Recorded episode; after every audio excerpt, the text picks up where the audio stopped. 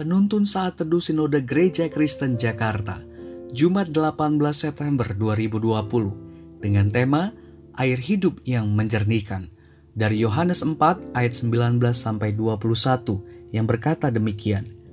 Kata perempuan itu kepadanya, Tuhan, nyata sekarang padaku bahwa engkau seorang nabi. Nenek moyang kami menyembah di atas gunung ini, tetapi kamu katakan bahwa Yerusalemlah tempat orang menyembah. Kata Yesus kepadanya, Percayalah kepadaku, hai perempuan, saatnya akan tiba bahwa kamu akan menyembah Bapa bukan di gunung ini dan bukan juga di Yerusalem.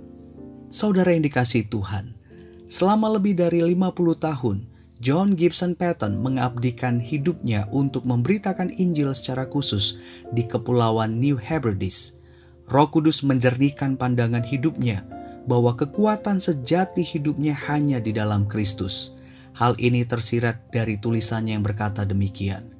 Satu-satunya kekuatan yang mendorong saya adalah mata air sukacita sejati yang memancar terus dalam pekerjaan dari Tuhan dan Juru Selamat saya, Yesus Kristus.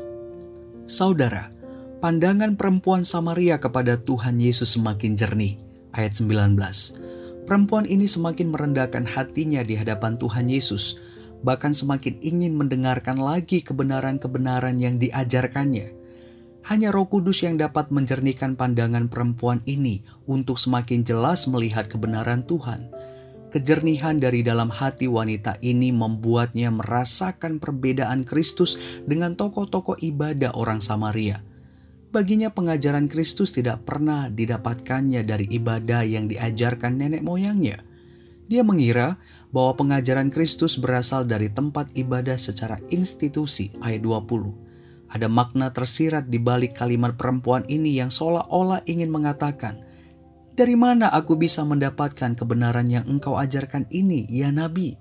Apakah dari Yerusalem tempat orang Yahudi menyembah? Karena aku tidak pernah mendapatkannya dari tempat ibadah kami. Tuhan Yesus menjawab bukan berdasarkan institusi keagamaan, melainkan kebenaran sejati, ayat 21. Dengan percaya dan mempercayakan seluruh hidupnya di dalam Kristus, maka dia akan memperoleh kebenaran sejati. Roh Kudus menjernihkan pandangan perempuan ini bahwa memperoleh kebenaran sejati hanya di dalam Kristus, bukan dari tempat ibadah. Kelak perempuan ini menjadi misionaris Tuhan. Kekuatan rohaninya adalah Roh Kudus yang menolongnya untuk menghidupi kebenaran Kristus dan bukan dari tempat ibadah. Saudara, di dalam Kristus Yesus, Allah memberikan kepada kita Roh Kudus yang menjernihkan pandangan kita terhadap Tuhan dan kebenarannya. Roh Kudus menolong kita untuk percaya dan mempercayakan seluruh hidup di dalam Kristus. Dari sini kita akan memperoleh pengertian tentang kebenaran sejati yang kita tahu dan taati. Roh Kudus menjernihkan pandangan kita bahwa hanya dengan hidup serupa Kristus yang mengenal kebenaran dan melakukannya akan memberikan kita otoritas rohani untuk siap memberitakan Injil keselamatan kita tidak mendapatkan otoritas rohani dari tempat ibadah. Roh Kudus menjernihkan pandangan kita bahwa kekuatan kita menjadi misionaris Tuhan adalah dari Kristus melalui menghidupi kebenarannya dan bukan berasal dari tempat ibadah. Tuhan Yesus memberkati.